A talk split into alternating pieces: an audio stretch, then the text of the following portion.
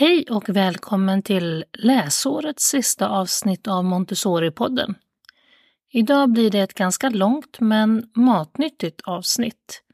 Eva-Maria Tebano Ahlqvist är en av redaktörerna till en ny bok som har det långa namnet The Bloomsbury Handbook of Montessori Education. Tillsammans med Kristin Kofod, som också skrivit ett av kapitlen i boken, har vi ett samtal om bakgrunden till boken och vad den innehåller. Vi får också veta lite mer om detaljerna kring det fina omslaget som kommer från en målning av vår svenska Hilma af Klint.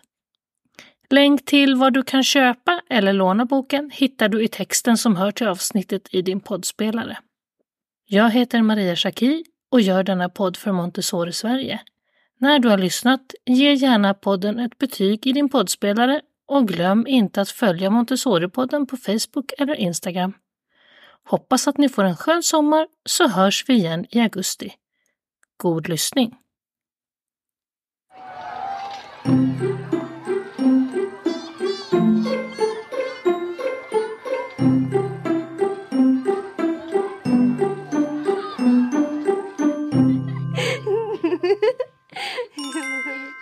Välkommen till Montessori-podden, Eva-Maria och Kristin.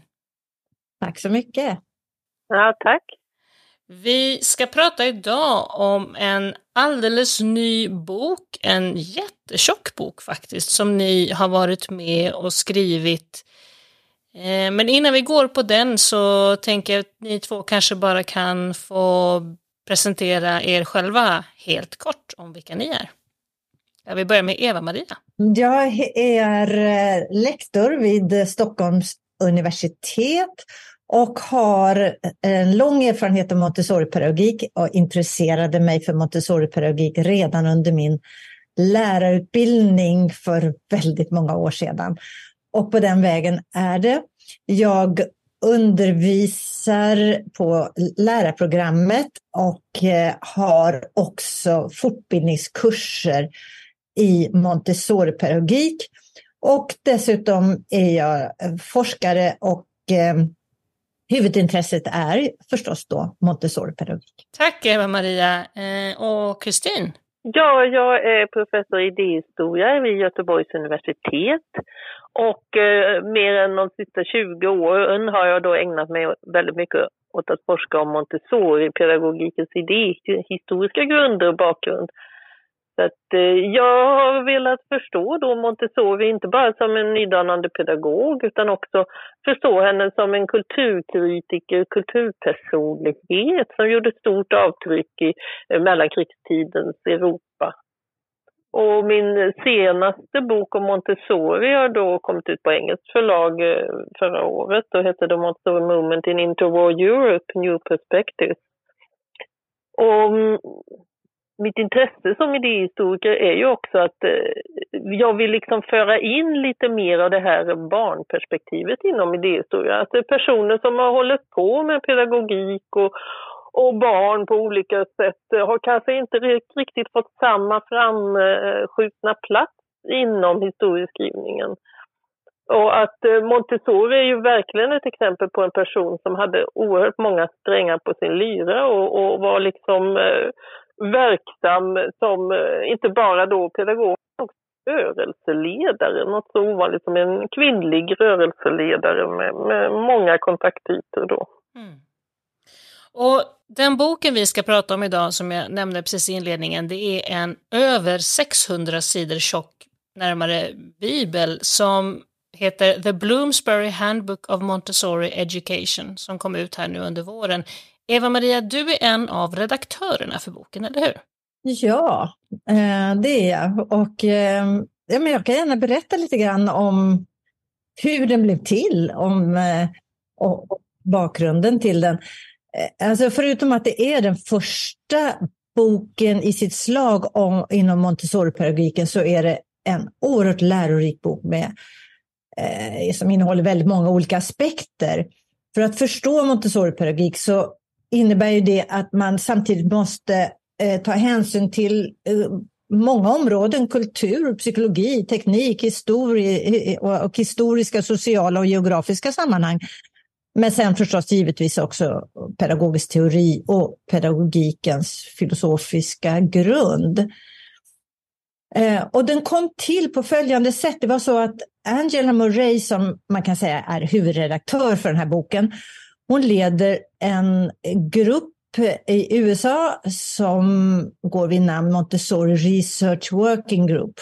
Den här gruppen har arbetat eh, för att sprida kvalitativ och objektiv forskning om Montessori-pedagogik i syfte att undersöka hur pedagogiken kan inspirera pedagogiska filosofer och teoretiker runt om i världen. Och för ett antal år sedan så fick eh, Angela en förfrågan från Bloomsbury Publishing att eh, eh, skissa på en idé om en handbok om Montessori-pedagogik. Och där startade själva arbetet.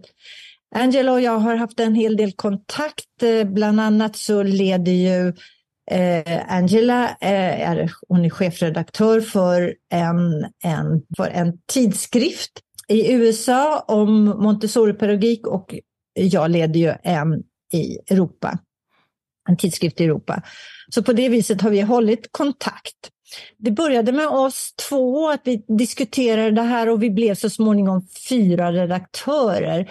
Eh, Maria McKenna vid universitetet i Notre Dame i Indiana. Hon blev tillfrågad eftersom hon har otroligt stor kunskap om utbildningsväsendet inom amerik det amerikanska samhället. Och även Mira Debs vid Yale som har erfarenhet av Montessori-pedagogik och intresserat sig för pedagogiken globalt och med frågor framförallt då, som rör Montessori-pedagogiken i offentlig skola. Och hon har också intresserat sig för barn i socioekonomiskt eh, svaga områden. Men jag skulle också vilja säga någonting väldigt kort om framsidan på boken. Ja. För det, att den var 600 sidor nästan eh, tjock, den är väldigt tjock. Men framsidan är jag kanske särskilt stolt över, för det är ju en, en målning av Hilma af Klint, den svenska mm. konstnären Hilma af Klint som levde och var samtida med Maria Montessori. Vad roligt. Ja, det är verkligen roligt och jag kan väl säga att jag vet inte hur många bilder vi gick igenom, men jag överdriver inte med att säga att det var många hundra för att försöka hitta en, en bra eh, eh, framsida.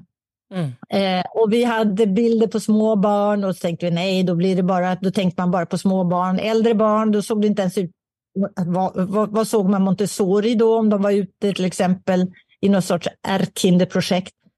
Eh, vi, vi provade också med material och det vill vi inte ha fokus på.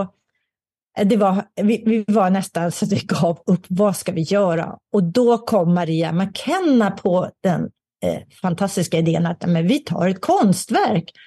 Och så föreslog hon Kandinsky. Och i samma veva när hon sa Kandinsky så slogs jag förstås av eh, det, det, det, den historieskrivning som ofta sägs att Kandinsky var den första eh, moderna konstnären eller abstrakta konstnären. Att det egentligen var Hilma av Klint, mm. så jag föreslog Hilma. Och det blev det. Och hon är ju en banbrytande modernistmålare. Och eh, eh, eh, samtida då med Maria Montessori som jag sa. Och de hade också överlappande intressen för teosofi och andlighet. Och man kan väl också säga att de var avantgardistiska kvinnor med intressen inom vetenskap, matematik och natur. Och sen så övergav de ju båda säkra karriärvägar. Maria Montessori då som som eh, är läkare och eh, Hilma då som eh, eh konstnär inom liksom den genren som då var populär, eh, landskapsmåleri och så vidare. Så båda övergav sina karriärer för någonting de brann för. Och när vi så valde bland Hilma och Klints målningar så blev det då de, en av de här tre, eh, eller tio största, alltså nummer tre som heter Youth eller ungdom.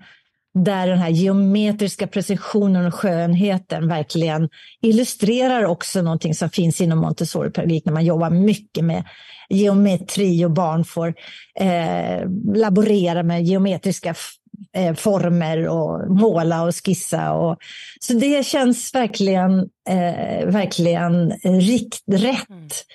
Vi hade också kontakt med museichefen för Moderna Museet i Malmö, Iris Müller Westerman, som särskilt då intresserade sig för Hilma och Klint och tyckte om vårt val av eh, omslag. Så det känns ju särskilt bra. Nu, nu tittar jag på den, ska jag säga det, med helt andra ögon på omslaget. Härligt! det är no ytterligare några som eh, bidrar i boken som vi har intervjuat tidigare i Montessori-podden i andra sammanhang. Både Solange Deveron, och Erika Moretti och Jaroslav Jensa som det finns avsnitt med. De är också med och skriver. Men boken som sådan är uppdelad i ett antal huvuddelar så att säga. Och den första delen heter Foundations and Evolution of Montessori Education. Och där, Kristin, har du skrivit ett av kapitlen som heter Maria Montessori Life and Historical Context. Vad handlar det kapitlet om? Ja, som framgår då av eh, rubriken så har jag ju fått uppdraget då att eh, introducera liksom hela Montessoris, Montessori så att säga livsberättelse, hennes livsresa då och försöka göra det på 18 sidor där. Och det är ju naturligtvis eh, en utmaning men å andra sidan har jag ju skrivit tidigare om det här och försökt liksom ta fram väsentligheterna då. Eh, så att eh, jag inleder ju som vanligt med liksom att redogöra för hennes bildningsresa som ung, hur hon utbildade sig till kvinnlig läkare, en av de få i Italien vid den här tiden, ett ovanligt vägval då. Och den här medicinska bakgrunden mer specifikt då att hon specialiserar sig inom neuropsykiatriska fältet. Hon är intresserad av att hjälpa. Det är ett socialliberalt engagemang som finns med från första början och som präglar eh, medicin vid den här tiden för man har just gjort stora genombrott, till exempel upptäckt bakteriologin och hur viktigt det är med hygien och slumsanering och sådana här saker. Så att eh, medicinen går liksom hand i hand med en slags reformsträvan strävanden vid eh, 1890-talets Italien då, sekelskiftestiden. Och Italien är ju en ung och nybakad nation. 1870 så har man enats definitivt när Rom också inkorporeras och Montessori är född just det här symboliskt laddade året då. Så att hon, hon, är liksom bärare av de här strävanden och förhoppningarna om att skapa ett nytt och, och mer livsdugligt Italien, ett enat land och samtidigt finns det stora problem. Så att mediciner mobiliseras ju också för att hjälpa liksom, eh, sociala problem som man har, till exempel med ungdomsbrottslighet och sådana här saker. Alltså Italien har höga eh, ja, kriminella problem och sånt. Och där kommer ju Montessori då eh, på ett tidigt stadium in på den speciella vården då, rehabiliteringsvården för neuropsykiatriskt eh, funktionshindrade barn. Och det är den vägen som hon så att säga blir också en offentlig person redan i 1890-talets Italien som drivande i den här kampanjen för att de här barnen ska ha sina speciella institutioner där man kan så att säga använda pedagogiska grepp för att hjälpa dem. Och den plockar hon upp en fransk handikappspedagogik från eh, tidigare 1800-tal och eh, den förnyas då eh, och man får ett institut och hon jobbar några år med detta. Men eh, sen sadlar hon om till antropologistudier och kommer liksom närmare skolvärlden, alltså eh, skolans roll i samhället som intresserar henne. Så det är liksom den första avdelningen. Jag har såna här åtta olika delar i mitt avsnitt. Mm. Den stora vändpunkten i Montessoris liv det kommer ju 1907 som alla vet med Casa dei Bambina-experimentet då när hon eh, får eh, liksom möjlighet och kanske också någon slags snilleblixt att överföra sådana här metoder som har använts inom den här specialvården för de funktionshindrade till den förskolekontexten då. Och eh, där uppstår ju ett helt nytt sätt att förhålla sig till förskolebarn. Alltså Montessori är en riktig game changer. Alltså hon ändrar liksom hela spelplanen för hur man förhåller sig till de små barnen. Inte grupplekar, inte sagor, inte bara mata fantasin med massa eh, olika lek, eh, lekar utan mycket mer liksom strukturerat kring barns lärande och förmåga och nyfikenhet. Och just det här att de ska lära sig på egen hand, alltså att de med interaktiva läromedel av olika slag kan upptäcka eh, olika eh, saker som till exempel alfabetet eller matematiska förhållanden. Eh, det är en sinnestränande metod som hon har liksom satt i verket här. Den tredje eh, etappen så att säga i Montessoris spännande livsresa det är ju då att det uppstår liksom ett intresse kring det här eh, USA är först ut med att liksom skapa en presskampanj kring Montessori 1911. Hennes bok översätts till engelska 1912 och får då ett enormt internationellt genomslag. Så vid den här tiden, precis före första världskriget, så uppstår då den här internationella Montessori-rörelsen. Och Montessori 1913 är på turné i USA och välkomnas som Europas intressantaste kvinna. Mm. Det finns liksom ett jätteintresse kring Montessori. Hon åker flera gånger fram och tillbaka till USA då under första världskrigets perioden. Men efter kriget så kommer eh, det amerikanska intresset att svalna. Och Montessori har då bosatt sig i Spanien, delvis kanske för att hennes son inte ska dras in i det här förödande världskriget. Eh, Spanien är ju neutralt under första världskriget. Så att där har Montessori bosatt sig. Och eh, hennes son Mario då kommer att gifta sig tidigt och kommer också att bo där tillsammans. Så de har en slags stor familj. Nästa avsnitt, då det fjärde avsnittet, eh, handlar ju just om den här europeiska mellankrigstidens montessorism. Och det har jag skrivit mer om i andra böcker, just att Montessori här liksom utvecklar sitt budskap till att inte bara gälla någon slags banbrytande innovativ metod att använda i förskolor och även i skolor, utan att hon också nu framträder med anspråk på att frigöra barnet, alltså ett slags frigörelsebudskap av kulturkritiskt slag.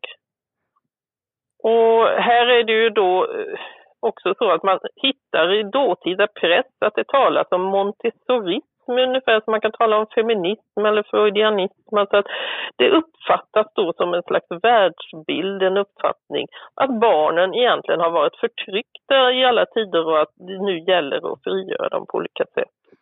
Och det här frihetsbegreppet det har jag ju liksom inte utrymme att gå in på riktigt men jag nämner då i mitt avsnitt just att eh, att man Montessori pratar om biological liberty, alltså en, eh, det är liksom förankrat i kroppen. Hon har en eh, lite darwinistisk bakgrund, att hon ser människan som eh, eh utifrån evolutionslärans perspektiv och att eh, barn måste få röra sig fritt Typ, eh, för det är då de kan lära sig, alltså den fysiska rörelsen i rummet är väldigt viktig. De ska liksom inte sitta i bänkar i rader stillsamt utan eh, de ska vara aktiva i sitt kunskapshämtande även på det sättet.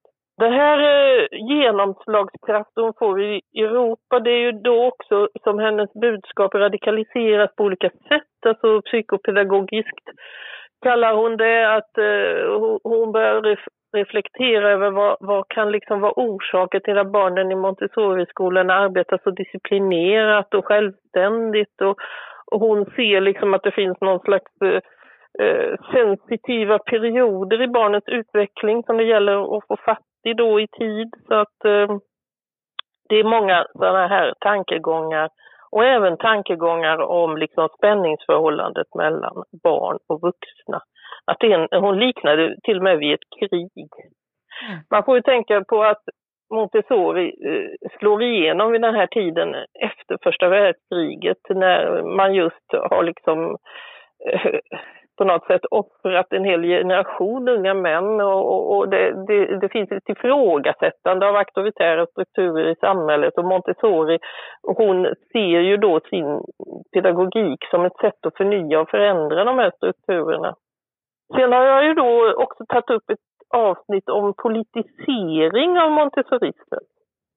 Det är ju så att den får väldigt olika genomslag beroende på vilken miljö den hamnar och det är ju lite det som har intresserat mig också med Montessori, att hon kommer med ett koncept men det är ju inte hon som äger helt och hållet det här konceptet utan det får ju liksom olika effekter beroende på var det planteras någonstans. I England till exempel så finns det en stor liksom jätteintresse kring det här med att eh, fria barn och sånt här men samtidigt en tolkning av frihetsbegreppet i, i, den klassiska liberalismens anda, att det är någon slags valfrihet, att barnen borde få välja mellan hundra olika pedagogiska grepp och metoder och, och leka Montessori-lekar på morgonen och göra dekroly-lekar på eftermiddagen och så vidare. Och, och det här tycker ju Montessori, det, det är liksom att blanda hennes metod med andra grepp, det är helt fel. Då får man överhuvudtaget ingen effekt. Då blir barnen bara liksom förvirrade och så. Så det är liksom den engelska varianten. Där, där vill man liksom ta fasta på frihetsbudskapet men ta inte så allvarligt på Montessoris eh, eh, specifika eh, eh, metoder och material och tankar om hur de ska användas och sådär. Så ytterligare ett avsnitt då, det, det, är ju om den politiseringen som jag nämnde och då är ju motpolen till det här engelska intresset för Montessori, det är ju det italienska. Alltså ett och samma frihetsbudskap eh, uppfattas som spännande och intressant både i det liberala England och i Mussolinis eh, fascistiska Italien. Och det här är väl någonting som Montessori-rörelsen efter kriget, andra världskriget, då ville sopa under mattan, att Montessori faktiskt samarbetade med regimen tio år och att hon eh, egentligen inte hade varit tvungen till det för hon bodde ju i Spanien mesta tiden så att eh, det var ju liksom en eh, frivillig allians som hon ingår här. Och det har ju diskuterats ända sedan Rita Kramer skrev sin biografi på 70-talet hur det kunde komma sig att en person med liberala och fredliga värderingar ingår i en sån här allians. Och här har jag ju då liksom eh, bara pekat lite på ytan eh, olika möjliga förklaringsmodeller kring det här. Eh, dels den generella uppfattningen att eh, det var någon slags resonemangsäktenskap. Bägge blundade för varandras olikheter därför att de kunde vinna någonting på alliansen. Mussolini då naturligtvis, han profiterar ju på Montessoris renommé som världsberömd pedagog. Eh, han tänker väl sig också att hennes pedagogik är så effektiv och naturligtvis då kan bli ett viktigt instrument för att disciplinera en ostyrig befolkning. Och Montessori, hon har naturligtvis också, hon är i 50-årsåldern, hon har en nostalgisk längtan att äntligen slå igenom i sitt hemland. Hon har liksom haft stora framgångar utomlands men känt sig kanske som en nomad som liksom på något sätt eh, motarbetat på hemmaplan. Och, och se sin möjlighet då att verkligen få det där institutet som hon har längtat efter så länge. Så att det finns liksom intressen på båda sidor. Men sen finns det naturligtvis också eh, skygglappar och blindhet för det hela. Eh, Montessori verkar ha misstolkat Mussolinis politik in i det sista nästan. Alltså hon förstår inte att det är en politik som syftar till krig eftersom hon själv får predika om fred i Mussolinis Italien. Och en vändpunkt kommer 1932 då regimen börjar få liksom lite mer eh, misstro gentemot Montessori och hennes eh, anhängare. Hon har då hållit ett, eh, sin freds föreläsning i Genève under en fredskongress och eh, hon har också vägrat då tillsätta en eh, fascistisk eh, ledare för det schweiziska Montessori-förbundet, vicepresident så att där sätter hon istället en fredsaktivist, Elisabeth Rotten. Och i, i och med detta så någonting händer där. Montessori har en skola i Rom som regimen sponsrar och, och nu börjar spionövervakning av lärarna på skolan av Montessori och hennes son.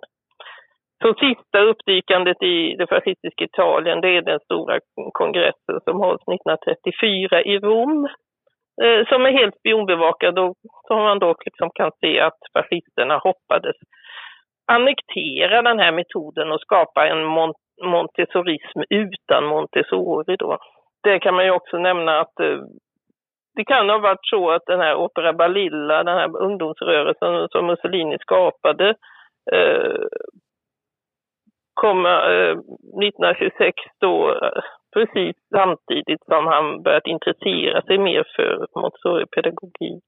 Eh, mitt eh, sjätte avsnitt handlar ju då om det som räddar Montessori undan andra världskriget, att hon har fått en inbjudan till Indien och Teosofiska sällskapet där och att hon eh, där upptäcker en helt ny liksom, miljö och, och kontext, eh, ett annat sätt att leva, ett annat sätt att se på barn, eh, små barn och sånt här. Så att det kommer ju vara väldigt inspirerande för Montessori den här perioden som varar ända till 46. Och sista åren sen eh, tillbringar hon i Europa. Sen blev jag ombedd också att skriva två avsnitt om vad som hände sen. Eh, hennes son Mario som arvtagare och konflikterna mellan den amerikanska montessorirörelsen AMS, och den europeiska AMI som eskalerar på 60-talet och leder till en brytning då. Sista avsnittet till slut någon slags sammanfattning vad liksom Montessoris livsgärning kan sägas ha gett oss och där ser jag tre viktiga saker. Det är liksom Montessori har lämnat efter sig en skol, skolform. Hon har lämnat efter sig sina skrifter. Och hon har lämnat efter sig en rörelse. Och det, det, är inte lite att en enda person så att säga har gjort ett så pass stort intryck. Dels finns liksom den praktiska metoden som tillämpas i skolor, Montessori-skolor och förskolor än idag och väldigt strukturerat program som verkligen har eh, hållit tidens tand så att säga. Men att eh, vill man liksom tränga in mer i Montessori eh, idéer så måste man ju också läsa hennes skrifter för det är ju där man liksom på något sätt möter de djupare bevekelsegrunderna och att hon verkligen ville ändra på hur vi ser på förhållandet mellan barn och vuxna. Att vi inte tilltror barnen tillräckligt mycket agens och sånt. Och slutligen rörelsen, alltså rörelsesammanhanget, det, det menar jag är oerhört viktigt för att förstå Montessori. Det, det, är liksom inte bara en person och hennes verk, utan det här är massor med människor som har varit involverade på alla möjliga nivåer i den här rörelsen. Och som är det än idag, även om rörelsen inte längre är en enda rörelse utan många olika parallella, så, så är det ju väldigt fascinerande hur, hur livs kraftigt det här konceptet varit. Apropå skrifterna då, kommer vi då in på den andra delen här då i, i boken som heter The Key Writings of Maria Montessori. Och där, Eva-Maria, har du skrivit en liten introduktion till den delen av boken. Det är ju precis som Kristin säger, att man behöver gräva lite grann i skrifterna. Vad handlar din introduktion om? Den här det här delområdet bär titeln Key Writings of Maria Montessori. Och här behandlas ett urval av Maria Montessoris böcker. Kapitlen är i stort sett ordnade efter utgivningsår för att följa den utveckling som Maria Montessoris vetenskapliga arbete har genomgått. En del av de böcker som bär Maria Montessoris namn är anteckningar från hennes föreläsningar och skrivna av andra än Maria Montessori själv. Och här kan man förstå att eh, det blir tolkningar av Maria Montessoris föreläsningar eh, då eh, hon själv talade italienska. Tolken, det tolkades till engelska och en person antecknade och transkriberade sina anteckningar till text som så småningom blev eh, en, en bok. Omständigheterna att flertalet böcker är föreläsningar leder till att en hel del av texterna återkommer i de olika titlarna som bär Maria Montessoris namn. Montessoris texter är mångfacetterade och innehåller beskrivningar från hennes vetenskapliga observationer, eh, rapporter från hennes tidiga pedagogiska undersökningar, historik kring hennes första eh, öppnande av Montessori-skolan eh, återkommer ofta. Och erfarenheter varvat med historiska anekdoter. Dessutom beskriver Maria Montessoris skrifter hennes utvecklingspsykologiska teori och inlärningsteori. Böckerna baseras också och specifikt då när det handlar om inlärningsteori eh, hennes livsvärldsansats, alltså hur barn lär.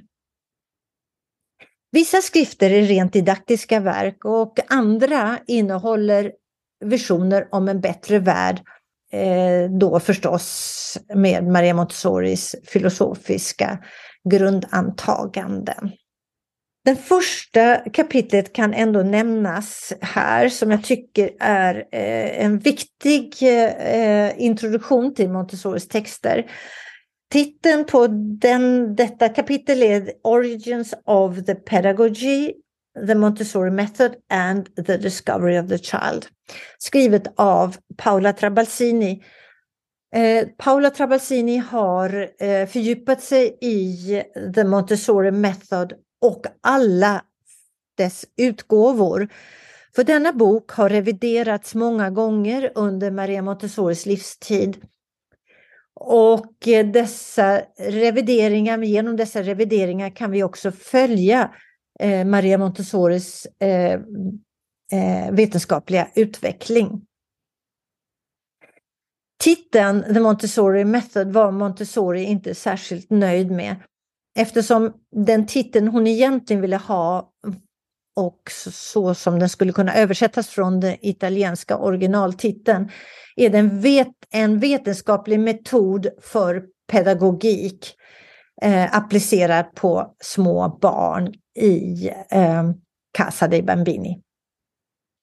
Och det handlar då alltså om vetenskapen som eh, pedagogiken bygger på.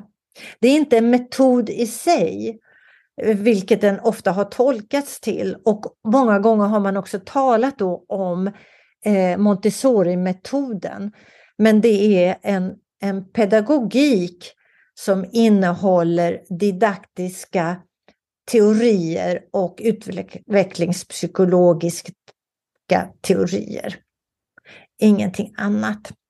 Eh, den sista utgåvan av denna bok fick alltså titeln The Discovery of the Child. Och den titeln hade Montessori säkerligen varit betydligt mer nöjd med. Eh, boken gavs ut efter hennes bortgång. Men eh, eh, för att gå över till nästa eh, del i boken då, som jag har varit med och där jag har skrivit. Det, det är då del tre, den heter ju Montessori Pedagogy Across the Lifespan. Och där har ju du både skrivit en introduktion och sen ett kapitel som heter Learning in the Montessori School Environment. Um, så att del nummer tre då, um, både din introduktion och just ditt kapitel lite grann, vad handlar det om? Detta delområde så behandlar vi pedagogiken från små barn till tonåringar. Vi inleder med ett kapitel som diskuterar ett urval av de viktigaste begreppen inom Montessori-pedagogiken.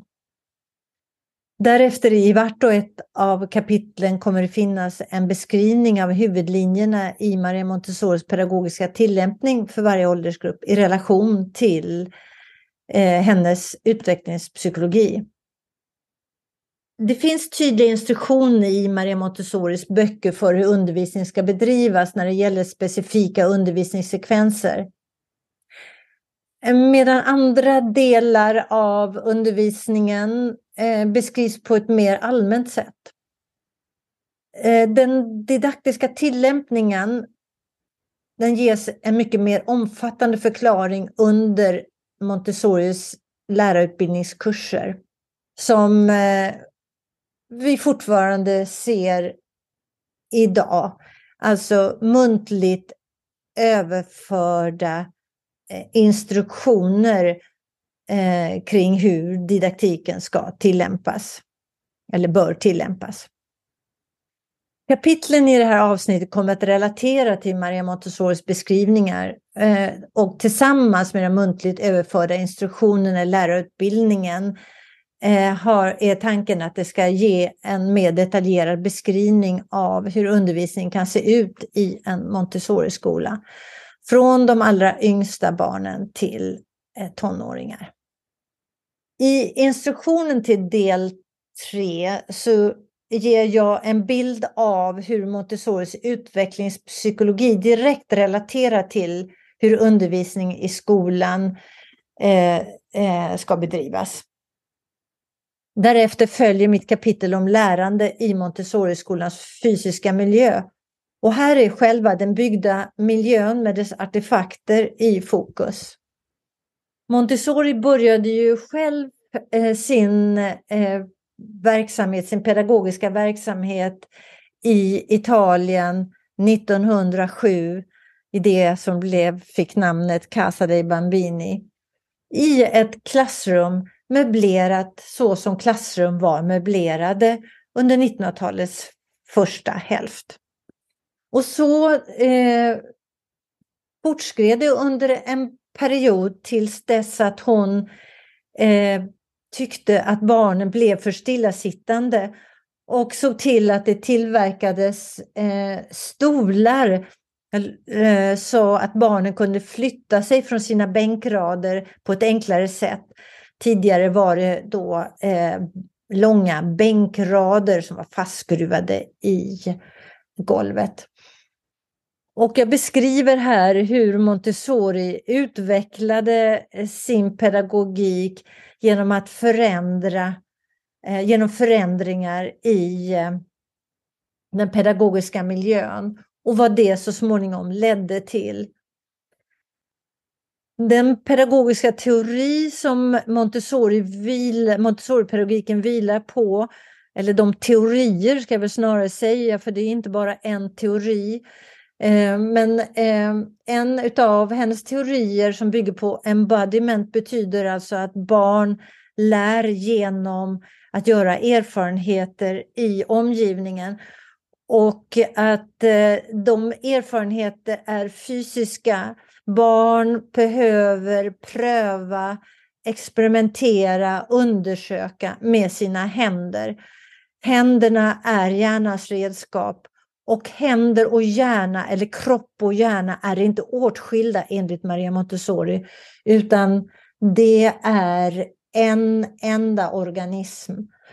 Så eh, som man idag betecknar, denna teori betecknas idag som teorin om embodiment. Det betyder alltså att en skola där läraren bara förmedlar för barnen och barnen ska lyssna, så frånkopplas kroppen och eh, lärande blir inte fördjupad eller förstådd eh, av barnen. Andra teorier är just hur lärande sedan går till hur lär barn? Och eh, Montessori hade där beteckningar som hon eh, uttrycker som isolering av eh, svårigheter eller isolering av kvaliteter. Vissa kvaliteter i undervisningen skulle isoleras. Och till det här, det hör tätt samman med eh, eh, teorin om embodiment. Man måste alltså få se, få erfara, få pröva och eh, eh pedagogikens didaktiska material är uppbyggd så att den här isoleringen av det som ska läras in blir tydligt för barnet. För att ge ett väldigt enkelt exempel. Om man ska lära sig om trianglar så har man inte bara trianglar i, i, eh, och, och andra, eh, andra geometriska figurer i en mängd olika färger. För att lära sig om trianglar och kunna urskilja trianglar så är det formen som är viktig. Det betyder att färgen måste vara densamma för att barn ska kunna urskilja form och inte blanda det med olika färger. Som ett väldigt enkelt exempel, men det här genomsyrar alltså Montessoris pedagogik inom alla ämnesområden.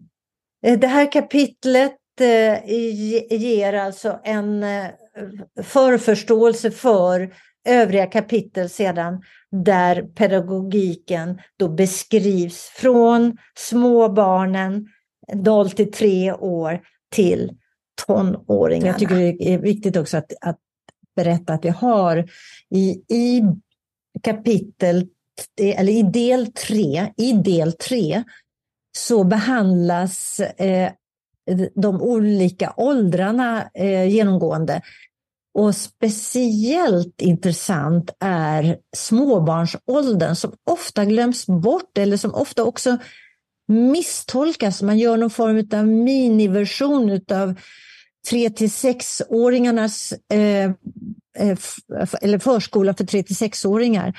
Här går man väldigt noga genom en, en, en, en, en annan tanke kring småbarnspedagogik baserat på Maria Montessoris idéer tolkade av Gracia Honniger Fresco. Och eftersom eh, och, och då Gracia Honniger Fresco gick bort för bara några år sedan så är det Gracias eh, dotter eh, Sara eh, som eh, ger en, en bild utav eh, den här eh, utvecklingsåldern. Mm. Oerhört eh, spännande läsning. Sen är ju många som är intresserade av Montessori-pedagogik kanske rätt så förtrogna med övriga åldrar, men jag tror ändå att det ger, att varje kapitel här ändå ger någonting nytt, någonting som man kanske inte har reflekterat över. Och jag tänker att det här är ju alldeles utmärkt, en alldeles utmärkt del att, ta, att arbeta med som lärare om man nu skulle tänka sig hur man ska kunna använda boken. Att man läser tillsammans gemensamt ett kapitel och diskuterar eh, bland lärarkollegor och att man inte då bara väljer det området som man själv, eller de åldrarna man själv är undervisar eh, i, utan att man faktiskt också tar del av eh, småbarnsåldern om man jobbar på, på högstadiet eller på mellanstadiet för att förstå eh, hela den röda tråden från de yngsta barnen till de allra äldsta. Och där är ju det mest spännande kanske Maria Montessoris syn på likheten mellan småbarnsåldern och högstadieåldern. Ja, och del nummer fyra då heter The Science of Montessori Education. Det kan jag känna eh, spontant är jätteviktigt också att läsa igenom de avsnitten som är där, som ju handlar lite grann om hur dagens forskning förhåller sig i relation till eh, Montessori-pedagogiken. Så det är ett antal som jag ser mycket intressanta kapitel där, eller hur? Ja, absolut. Eh, och eh, och där har ju Angela Murray skrivit ett, ett förord. Och den första delen där är ju skriven av Mara Fabri som är neuropsykolog. Och eh, där hon då försöker att beskriva varifrån Maria Montessori fick sina idéer kring eh, barns utveckling. Att, och de är baserade eh, kring det vi idag skulle tala om, då, neuro, eh, pedagogik eller neuropsykologi. Oerhört spännande och likheten mellan den forskning som bedrevs och har bedrivits, eh, som Maria Montessori ofta eh, kanske eh, tyvärr inte erkänns som en av pionjärerna när det gäller till exempel sensitiva perioder, men det är hon faktiskt. Eh, hon nämner ju det här väldigt tidigt. Ofta brukar man relatera till eh, eh Hugo de Fried som talade och talar om eh, bisamhället och eh, eh, biens utvecklingsstadier. Men Maria Montessori var eh, kanske mera intresserad av eh, likheter. Visserligen studerade hon ju också djuren och djurens utveckling. Det var en viktig del i hennes egen utbildning. Så hon ser ju människan som ett av djuren. Och eh, de egenskaper som människor har kan vi också eh, se hos eh, djuren och särskilt våra närmaste släktingar i djurvärlden. Så den här delen, eh, den första delen ger oss en bild. Många säger så här, vad var Montessori egentligen? Vad hade hon egentligen för, för idéer och var det här verkligen vetenskap och så vidare? Det har man ju hört ofta, men här får vi lite grann eh, faktiskt eh, bevis för Montessoris mångsidighet och förståelse av människans utveckling. Så att, och, och, som sagt, resten av de här kapitlen är ju också jätteintressant att se bara på rubrikerna. Så det är en läsning jag ser fram emot.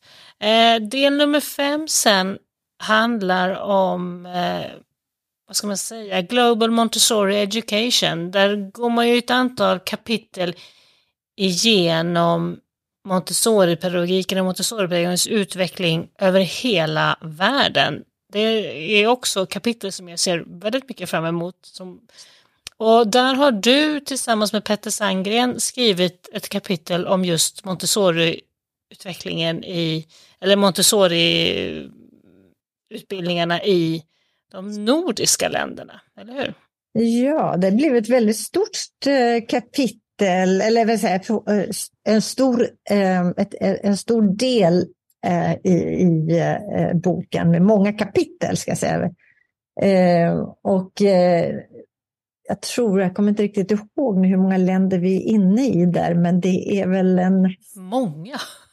Ja, är det uppåt en närmare 60 kapitel tror jag. Jätte, det är jättespännande del i boken. Många länder som mm. vi besöker runt om i, i världen där de nordiska länderna utgör ett kapitel. Ja, men det är spännande att se hur, det finns väldigt många likheter när man tittar på hur, hur det hela startade i de olika länderna men också hur pedagogiken sedan har fått genomslag, att det, det finns likheter. Att pedagogiken till exempel inte har fått ett större erkännande i, inom akademin och det gäller i princip globalt. Och det är ju en fråga som man alltid ställer sig, hur är detta möjligt? Eh, eftersom eh, väldigt eh, andra pedagoger som vi nämner eh, Piaget som egentligen, egentligen inte utvecklade någon specifik pedagogik, men ofta nämns i de här sammanhangen, men han var ehm, ju utvecklingspsykolog. Eh, Vygotsky ju, har ju fått väldigt stort genomslag eh, i lärarutbildningar världen över faktiskt. Eh, kan man gå ända bort till andra sidan jordklotet, Australien, men vi tittar, om vi jämför med Sverige så, så har Vygotsky väldigt, väldigt stort genomslag i lärarutbildningen. För övrigt eh, förstås Dewey som ehm, också nämns, i alla fall var, nämndes mycket i lärarutbildningen när jag gick lärarutbildning en gång i tiden men som kanske idag är lite mer bortglömd men eh, lär väl komma tillbaka nu när vi pratar om Eh, ett, ett, ett samhälle där vi måste försöka förändra vårt nuvar, vår nuvarande samhälle mot ett mer inkluderande och demokratiskt och hållbart samhälle. Men eh, Montessori har ju talat om det här, men vad, och vad beror det på då att hon inte har fått eh, samma typ av genomslag? En anledning, det kan säkert Kristin eh, säga mycket mer om, men en anledning är ju säkerligen att hon själv försökte hålla sin pedagogik, ha, ha, ha kontroll över sin, sin, pedagogik och inte släppa den mera för andra tolkningar. Eh, och det blev nog ett problem. Den hölls av särskilda utbildningsinstitut man fick inte kalla sig Montessori-lärare om man inte hade gått en specifik utbildning och så vidare. Så det begränsade säkert möjligheten, men sen kan det finnas andra aspekter också. Eh, och det ser vi ju inte minst när det gäller eh, frågor om, om eh, eh, kvinnors roll i vetenskap. Montessori var en av få kvinnor inom pedagogikens område och de flesta som nämns i pedagogikhistorien är trots allt män. Kristina har någonting mer att tillägga där, säkerligen menar jag. Nej, men jag håller absolut med dig om att eh, det var ju hennes eh, frilansande sida så att säga som både möjliggjorde att hon kunde ha den här internationella genomslaget redan under sin livstid. Alltså hon skaffade sig anhängare överallt där hon drog fram och hon fick också motståndare och sådär. Men det var ju naturligtvis också problematiskt att hon var i en outsiderposition hela tiden och eh, när man jämför med en sån som Dewey som hade en tryggad position och påverkade landets eh, lärarhögskolor och lärarutbildning och sånt där. Så att vara innanför systemet så att säga, eller att vara utanför, det betyder ju väldigt mycket naturligtvis. Och, och montessorismen eh, sågs väl lite sådär med miss tro från det akademiska etablissemanget då, att det var någon slags inkräktare, att Montessori hade många idéer som liksom gick stick i stäv mot de gängse tankegångarna redan på förskolefältet så tog ju in och utmanade den här Fröbelpedagogiken som hade varit verksam ända sedan 1800-talets mitt. Alltså tanken att Eh, det är ett axiom i princip att barn måste få leka och leka och leka och de ska absolut inte få närma sig bokstäver och sådana där saker som liksom matematik och sånt. Det hör till skolåldern. Man hade liksom en väldigt strikt uppdelning mellan lekfasen och sen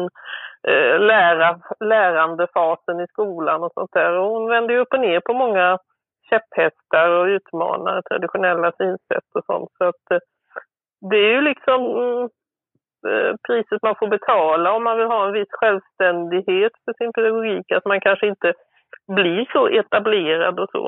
Mm.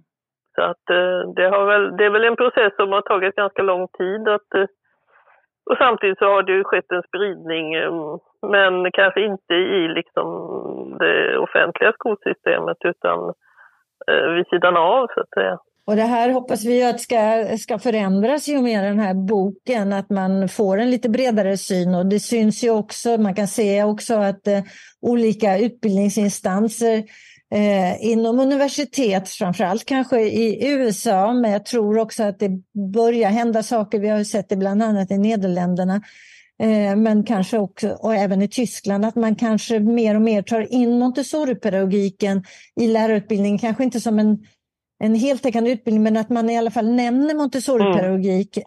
när man talar om eh, pedagogiska teorier.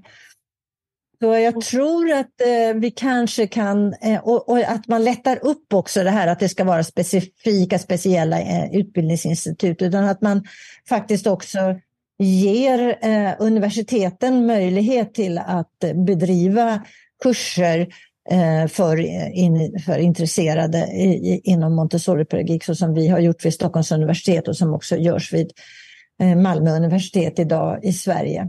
Ja, och sen den avslutande delen av boken, del 6, eh, heter Contemporary Considerations regarding Montessori Education. Så här går man in lite grann på Montessori-pedagogiken i förhållande till idag, eller hur?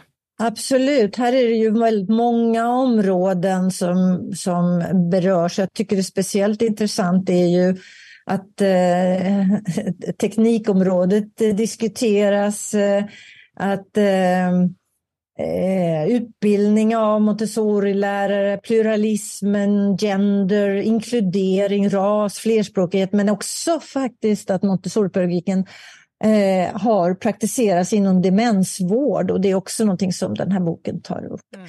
Så det spänner väldigt vitt från de minsta barnen till vuxna och kanske äldre. Mm. Och, och, det gör den här boken särskilt eh, spännande. Den släpptes ju i våras, som sagt i mars. Eh, och hur... Den finns ju både som eh, fysisk väldigt tjock bok och så finns den som e-bok. Vad är enklaste sättet att beställa boken? Ja, det beror ju på vad man vill ha. Nu kommer ju, eh, som jag förstår, jag har inte kollat upp det här, så kanske, vi, vi kan, kanske, du kanske kan ta det sen i, i, i din podd, men tror att, alltså jag har sagt till att i alla fall att den ska beställas som e-bok på universitetens och universitetsbibliotek. Alltså idén är att den ska finnas som e-bok på alla lärosäten. Mm. Eh, worldwide egentligen. Och, och, att man där som student ska kunna ta del av eh, boken. Eh, det är en ganska dyr bok måste man väl säga ändå. Om man ska inhandla den kostar en bra bit över 1000 kronor. Eh, men så är ju sådana här handböcker, de är alltid väldigt eh, dyra. De ges inte ut i, stora, stora upplagor. Ehm, men jag kan tänka mig att man kanske på en skola mm, som jobbar med Montessori-pedagogik ändå har en fysisk bok för att det är rätt häftigt att kunna bläddra i den. Det blir någonting annat än att ha den som e-bok. Och, och, sen så kommer den så småningom komma ut som paperback så att man kan eh, eh, köpa den för en billigare slant och då kanske den blir eh, lättare liksom att eh, köpa också för eh, enskilda lärare som mm. vill ha den i sin hand eller föräldrar eller andra intresserade. Men eh, än så länge så finns den bara då som hard, hardcover cover bok och eh, man kan beställa den då genom Amazon eller genom bokhandeln.